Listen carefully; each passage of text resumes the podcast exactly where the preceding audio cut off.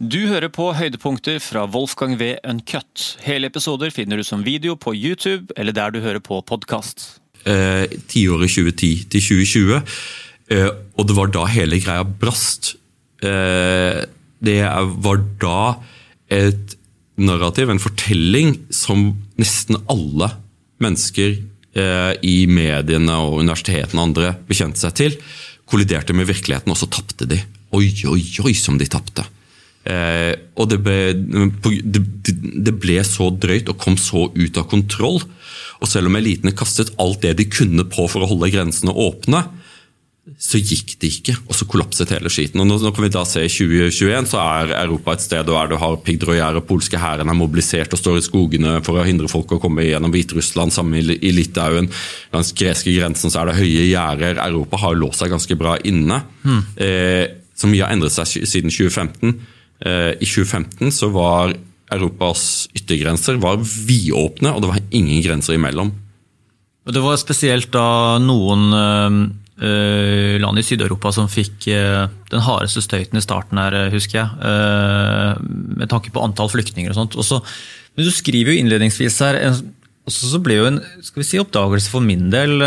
for liksom det, Jeg vet det er så vanskelig å si hva, hva folket tenker og hva liksom opinionen mener om det. Men det er jo det som du skriver i starten her, at det kommer på et tidspunkt der det er en slags offentlig oppdagelse at dette her er ikke nødvendigvis bare altså Det er noen flyktninger, men det er ikke bare flyktninger. At narrativet stemmer ikke helt her. At det er vel så mange migranter. og Det får du også litt bekrefta eh, anekdotisk i Beograd med de menneskene du møter der. Ja, Jeg ble jo henta av en, eh, en sjåfør, det er sånn er det ofte, eh, på flyplassen, som het Vuk. Vuk er et utrolig kult navn. Eh, Serbokroatisk for ulv. Oi. Det kan jeg like. Eh, som var var ganske mørk. Jeg prata med han på veien til byen. Eh, så, så serbere har jo, en, jo, har jo en hang mot det mørke, iallfall i min erfaring. Eh, og så, så, spurte han liksom, hvordan, hvordan går det med forhandlingene med Kosovo. For det var det jeg var opptatt av da. For, dette, for at Kosovo skal kunne bli en fullverdig stat, så må de finne komme til en løsning med Serbia, og dette ble forhandlet på det tidspunktet. det er ennå ikke klart å avklare det. Eh, og, så, og så sier han at nei, det er, det, ingenting skjer der, for alle kosovo-albanerne har søkt asyl i Tyskland. Og da tenkte jeg liksom jeg kutt noe ut. Men det faktisk, da jeg gikk tilbake og sjekket, så var det sant. da, 70 000, Eller det var ikke sant, eh, det var litt sant. Eh, 70 000 kosovo-albanere hadde søkt asyl i Tyskland i 2015. Eh, Det var noe som var, som var ordentlig i, i bevegelse. For, for Kosovo ligger jo ikke utenfor Europa, og det var ikke noe krig i Kosovo. Eh, Men i 2015 så eh, Dette var det, det store asylåret, da ting bare kom fullstendig ut av kontroll pga. at man hadde ikke eh, lagt et system eller skapt et system som hadde noen øvre grense. Det fantes ingen måte å regulere asylinnvandringen på. Og når da, når da Tyrkia i 2015 sluttet å hindre migranter i å komme seg i båter, samtidig som at EU i sitt vidsyn hadde tatt over den italienske marineoperasjonen som italienerne kalte Mare Nostrum, vårt hav, veldig bra, veldig romersk. Eh, EU tok over den og gjorde den om til en gigantisk redningsoperasjon, der man sendte ut marinefartøyer og andre fartøyer til egentlig å plukke opp folk. Enhver som klarte å komme seg i en båt, hadde en berettiget håp om å, om å bli reddet. da. Eh, og, og kjørt inn i asylkøen i Europa. Eh, med det resultatet at jæklig mange mennesker flyktet, nei, nei, druknet i Middelhavet. Det er helt vanvittige tall, ikke sant? på grunn av at Middelhavet er jo stort. Eh, og ikke, Det var jo ikke båter overalt, og folk dro ut i ikke sjø, sjøverdige farkoster og sank og druknet. Det var helt forferdelig. ikke sant? Eh, men det ble brukt da som en, som en begrunnelse for at vi måtte ha enda mer åpne grenser. Og det, ja, det, det var jo altså, Mye av debatten sto på at jo, jo, jo mer åpne grenser vi har, jo flere flyktninger kommer, og jo mer insentiverer vi den her menneskesmuglingen. og, og de enorme pengesummene. så Vi snakka litt i forrige episode om at liksom, eh, det er jo en enorm uh, mørk business det her med å frakte mennesker. Ja, det er, det, er, det, er, det er mørk business, det er en milliardindustri. Liksom, jeg så det i 2014 i, eh, i Tyrkia, hvordan asylentreprenørene solgte tjenester til da disse menneskene som hadde solgt alt det de hadde for å komme seg til Europa. Både hvordan smugle dem fysisk, men også liksom hvordan uh, å få skolering i hva slags historier du bør fortelle. Litt, nummer én, liksom, ødelegg dine identifikasjonspapirer. Nummer to, velg deg et ganske vanlig navn. Mm. Nummer tre, liksom, ikke vær altfor drøy. Ikke, og liksom, hvordan kan du late som at du er syrer hvis du ikke er syrer? ikke sant? Eh, men iallfall så uh, tok jeg meg en tur da på kvelden ned til eh, Beograd, Be, Be, Beograd Glavna, mm. som er en flott stasjon som ble bygget, som åpna i 1884. Som skulle være for Orientekspressen var liksom en, den store drømmen i siste halvdel av 1800-tallet. En drøm om en jernbanelinje som liksom reiste fra Paris til, til Orienten. Og alle liksom overalt bygde sprang disse fantastiske, monumentale jernbanestasjonene opp. altså Beograd er en av de flotteste. Mm. Og foran Beograd Glavna så satt det flere hundre mennesker. Eh, de fleste av dem fra, eh, fra arabverden og Afrika. Og Der så jeg liksom man skal, ikke, man skal, være forsiktig med å kritisere journalistene. Det finnes veldig mange journalister som gjør en helt forbilledlig eh, jobb. Og så hadde du den type journalister som jeg så utenfor Beograd Glavna, som gikk rundt da med kamera, liksom med lys, Mørket var i ferd med å senke seg. Og nesten alle menneskene der var unge menn. Nesten alle sammen var liksom, Vi snakker 80-90% var unge menn. Mm. Men de ønsket ikke unge menn i bildet sitt, så de leter da seg fram til en, til en familie som har to jenter, og så, og, så, og så, ber de alle om å flytte seg, sånn at de da kan filme denne lille, denne lille syriske familien. For det er det bildet man ønsker å sende da på østerriksk TV, om hvem det er som kommer. Eh, som er en svært uheldig måte å drive I alle fall når du ser at en liten familie med to jenter sitter i et hav av unge menn i arbeidsfør alder, og så bare man alle disse unge mennene må flytte seg mm. for å kunne Dette er det bildet som vi ønsker at folk skal se på TV-ene sine hjemme i kveld. Men er ikke det litt sånn mediene også har skjønt på godt og vondt, og kanskje veldig vondt i denne sammenhengen, at det her med å rapportere er ikke like skal vi si, publikumsvennlig og like interessant som det å fortelle historier og fortelle tragiske skjebner og gå mer inn i sånn dramaturgi og iscenesettelse, så får du et mye mer fanger du publikum på en helt annen måte enn en kald reporter som står for, Hvis en reporter har stått mikrofonen foran disse fattige migrantene, så vil du få en helt mer kjølig, objektiv fortelling av det, mens du har liksom et personlig eh, iscenesatt I dette tilfellet da, så får du et mye sterkere opplevelse som seer. og det det vekker reaksjoner og følelser og, og lager på en måte, si, bedre TV, rett og slett? Ja, ja nei, jeg tror du har rett i det, også, men så er det jo også sånn at øh, man har et syn på at folk ikke liker kompleksitet, og de liker ikke motsetningsfullhet. Så det å fortelle historier som bekrefter ting som du allerede har blitt fortalt, er, nok, er, er lettere å selge inn enn en historier som er motsetningsfulle. da. Mm. Eh, eh, og derfor, og, og i disse månedene, spesielt i august 2015, så er fortellingen at, eh, at, at alle disse migrantene er flyktninger. Eh, de kommer fra borgerkrigen i Syria, eh, som vi blir fortalt er den verste humanitære krisen etter annen verdenskrig. Noe som ikke stemte. Det var det jeg kranglet med, med, med, med Egeland om. Og så fokuserte man ikke på dette at aldri før i menneskehetens historie har man valgt å løse en krig eller en krise gjennom å simpelthen bare eksportere hele befolkningen. Ikke sant? For dette her vil jo få konsekvenser. liksom Forestille at man tar et land, og så, bare, så fjerner man alle mennesker med utdannelse. Alle som, alle som, kan drive et land. Alle legene, alle sykepleierne, alle sammen. Alle ved universitetene, alle sammen. Mm. Hvordan skal man kunne gjenoppbygge dette landet, da? Hvordan ser du for deg det? Men det var ingen tanke om dette. Her var det bare tenk med hjertet, ikke med hjernen. Eh, og dessuten, all informasjonen vi gir deg, tyder på at dette er bare et rent humanitært spørsmål. Eh, og enhver person som stiller spørsmålstegn, bare blottlegger en moralsk eller intellektuell tilkortkommenhet. Og Derfor trenger man også TV-bildene som, som, bekrefter dette. ikke sant? Uh, I alle fall, uh, slik opplevde jeg det. Uh, jeg tok også traff en sånn hyggelig, hyggelig, hyggelig, gjeng med syrere. En som heter Nabil. og disse, du må tenke på at de fleste av disse Migrantene var jo ikke veldig skolerte. Man har hatt en tendens til å tro at alle rundt i verden vet det du vet. Men de, de, de var, Nabil var hellig overbevist om at Angela Merkel personlig hadde invitert han til å komme til Tyskland. Mm. Og så sa jeg at ja, nå var det ikke Det var nok ikke helt sånn. Men jo. Eh, at, og, og, ja, men også liksom det at, at, at, eh, for Nabil så var Angela Merkel var Europas dronning, intet mindre. Og at Angela Merkel hadde da strukket ut sin hånd og pekt på han og alle andre syrere. Dere kan komme til oss i Tyskland. Um, og Det er noe av problemet som man så med liksom, å få politikere å sende ut liksom, eh, mixed messages. Eh, at man på den ene siden ønsket å, å, å gi asyl til enhver person som kom fra Syria. Sverige var først ute med å gjøre det, og så kom Tyskland. Det rev hele EUs asylpolitikk i filler pga. at Dublin-ordningen Dublin var slik at du måtte søke asyl i det landet du kom til først. Problemet var at landene i sør hadde jo langt mer restriktiv asylpraksis enn landene i nord. Mm. Så hvis du søkte asyl i Hellas, så var det ganske usannsynlig at du kom til å få det. Mens Eh, mens land som, som, spesielt Sverige hadde veldig åpen asylpraksis. og Det skapte jo da en, et voldsomt insentiv for å komme seg så langsomt til Sverige før man søkte asyl første gang. Og så begynte I 2015 så begynte landet i sør å ta konsekvensen av det, og det sluttet å ta fingeravtrykk.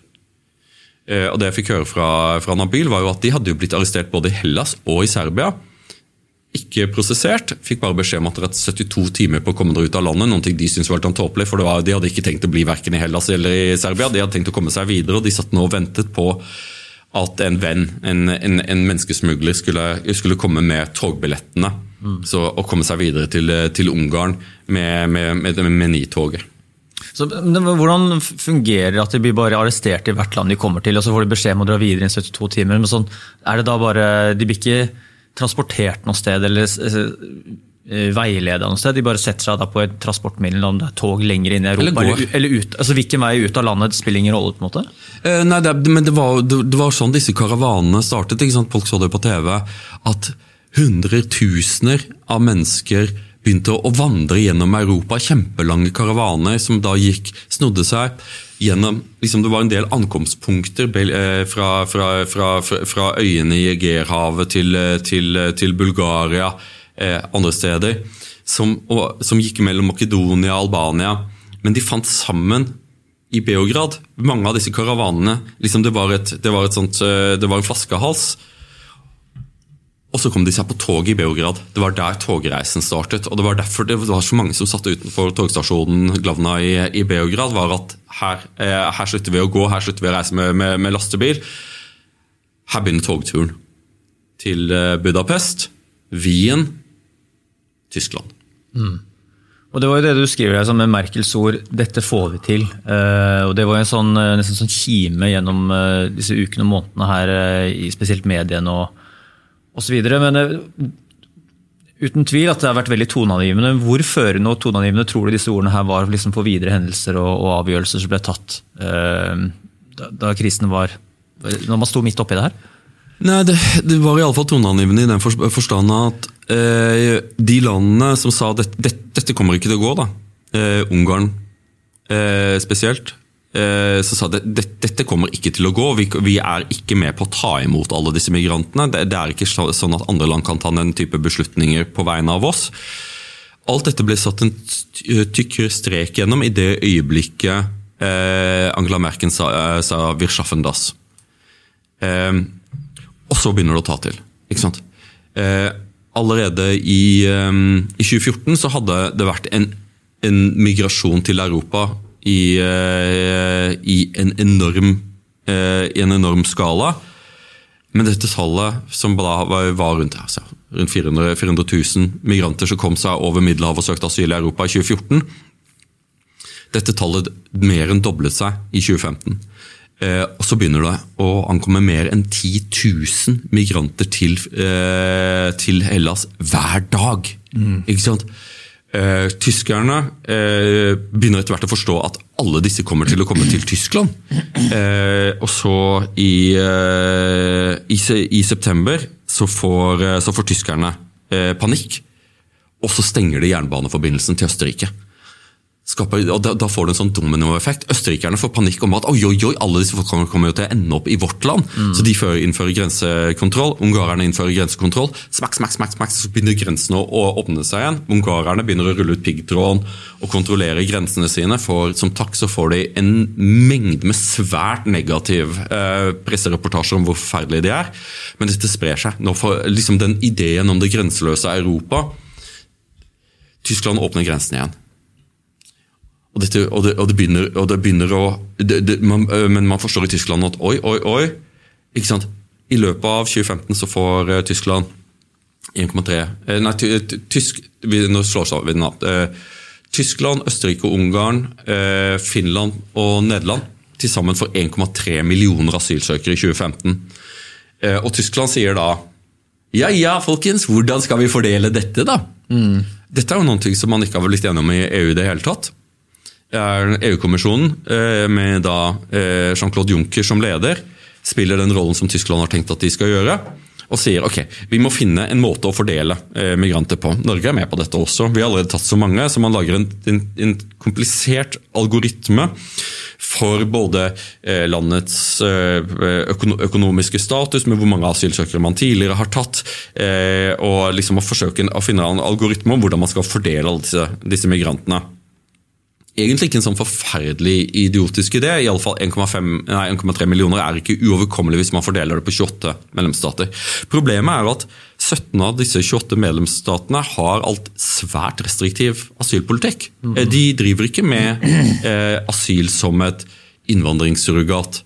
Enkelte land har allerede en vanvittig åpen asylpolitikk, sånn som Sverige. Mm. Mens Polen på andre siden av Østersjøen har en, svært, har en svært restriktiv asylpolitikk. Hvordan skal man få dette til å fungere? da?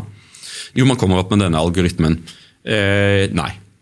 Klarer ikke å komme til enighet. Stort møte. Eh, midt i september, stort møte. Eh, krisemøte i Brussel. Dette var krisemøtenes år. Mm. Eh, ingen enighet i ministerrådet.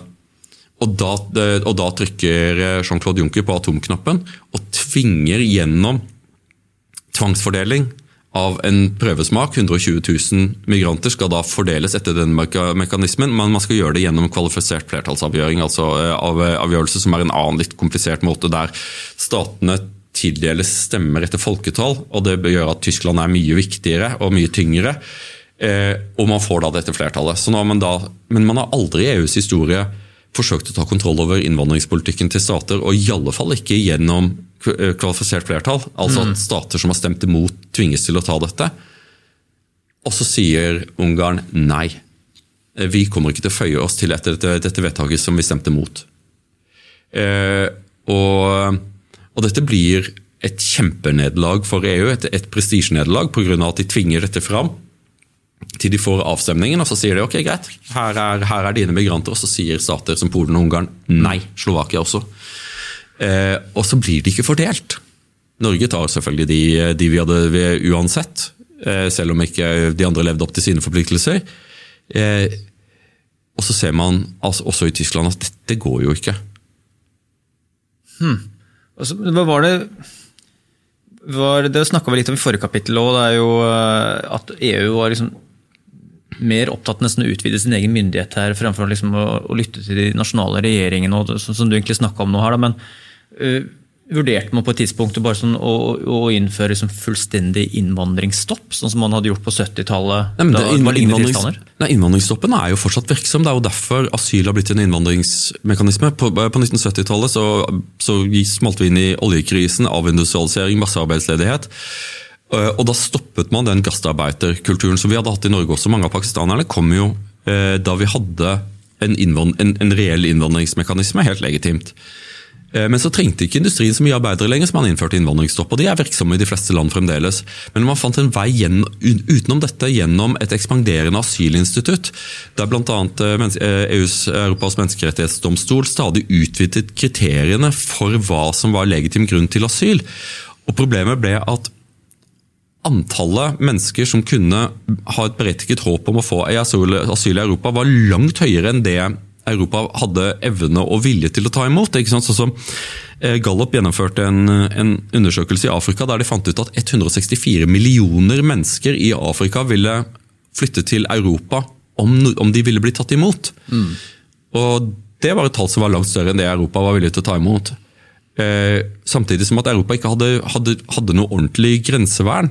Og når da Tyrkia og andre eh, pga. borgerkrigen i Syria sa ok, men da, da, får det være sånn, og egentlig bare assisterte migrantene komme seg videre, eh, så viste det seg at EU ikke hadde det som krengtes for å være voksne nok til å ta tur med dette.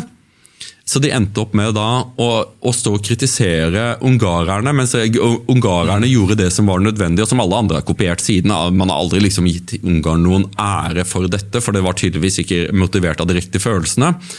Mens de folkene som, som, som, som arbeidet for å, å gjøre det som var, var et problem, til en total katastrofe, for hva tror du ville skjedd da, hvis man ikke hadde fått kontroll med dette? Hvem tror du ville vunnet valgene i mm. europeiske land? Det ville vært ytre høyre over hele fjøla, liksom, for folk var i ferd med å få panikk. Mm.